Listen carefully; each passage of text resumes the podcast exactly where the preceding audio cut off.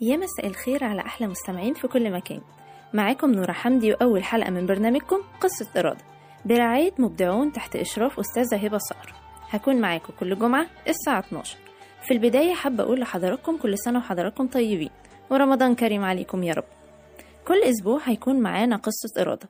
شخص اتحط تحت ظروفه في اختبار وعلشان هو بطل أو هي بطلة قرروا يتحدوا ويواجهوا ومفيش حاجة توقفهم وقرروا قصتهم تدخل التاريخ. استنوني بعد الفاصل علشان نحكي أول قصة إرادة. بس قبل ما نطلع فاصل هطلب من حضراتكم طلب. غمضوا عينيكم لمدة دقيقتين وسدوا ودانكم. وقولولي هتحسوا بإيه؟ هتقدروا تتعاملوا مع الحياة عادي؟ استنوني بعد الفاصل علشان نحكي أول قصة معانا النهاردة. ما تروحوش في أي حتة.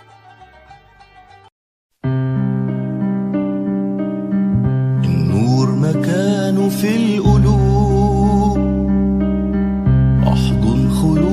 شمس الغروب. يا تكون قد الحياة يا تعيش وحيد وسط الدروب. ورجعنا لكم تاني بعد الفاصل ومستنية حضراتكم تكتبولي في الكومنتات حسيتوا بإيه لما غمضتوا عينيكم وسديتوا ودانكم. هي دي بطلتنا النهاردة هيلين كيلر. أديبة ومحاضرة وناشطة أمريكية.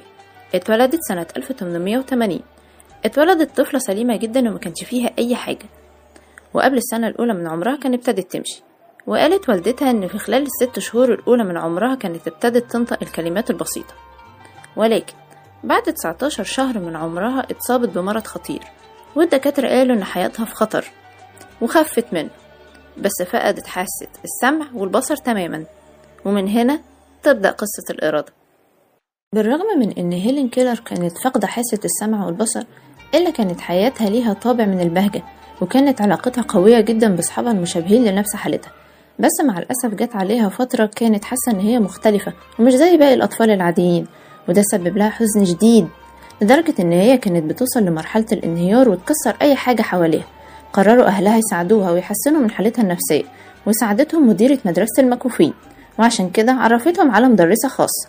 آن سوليفان قعدت هيلين كيلر مع معلمتها آن سوليفان وبالرغم من إن آن سوليفان كانت نظرها ضعيف إلا كان ليها دور كبير جدا في حياة هيلين كيلر وهي أول واحدة حطت أصابع هيلين كيلر على الكلمات البارزة بالحروف الأبجدية الأجنبية.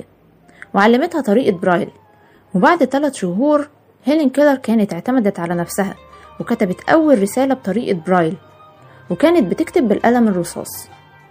وده سبب انبهار شديد جدا للناس وأعجبوا بيها جدا. كملت هيلين كيلر المراحل التعليمية وكانت أول كفيفة بتحصل على الليسانس بتقدير امتياز وألفت 18 كتاب أشهرهم العالم الذي أعيش فيه وقصة حياتي وكانت من أشهر عباراتها الحياة إما مغامرة جريئة وإما لا شيء. هي دي بطلتنا. بطلتنا توفت وعمرها 88 عام. كانت حياتها مليئة بالضغوط ولكن ما استسلمتش. ما استسلمتش لنظرات الشفقة والعطف بالعكس واجهت وتحدت ودخلت قصتها التاريخ ودلوقتي بقت نموذج من نماذج ذوي الإرادة اللي بنتحمس بيها وبنستمد منها قوتنا. استنوني الأسبوع الجاي وقصة إرادة جديدة كانت معاكم نورة حمدي وبرنامجكم قصة إرادة برعاية مبدعون تحت إشراف أستاذة هبة صقر. استنوني يوم الجمعة الساعة 12 الأسبوع الجاي. السلام عليكم.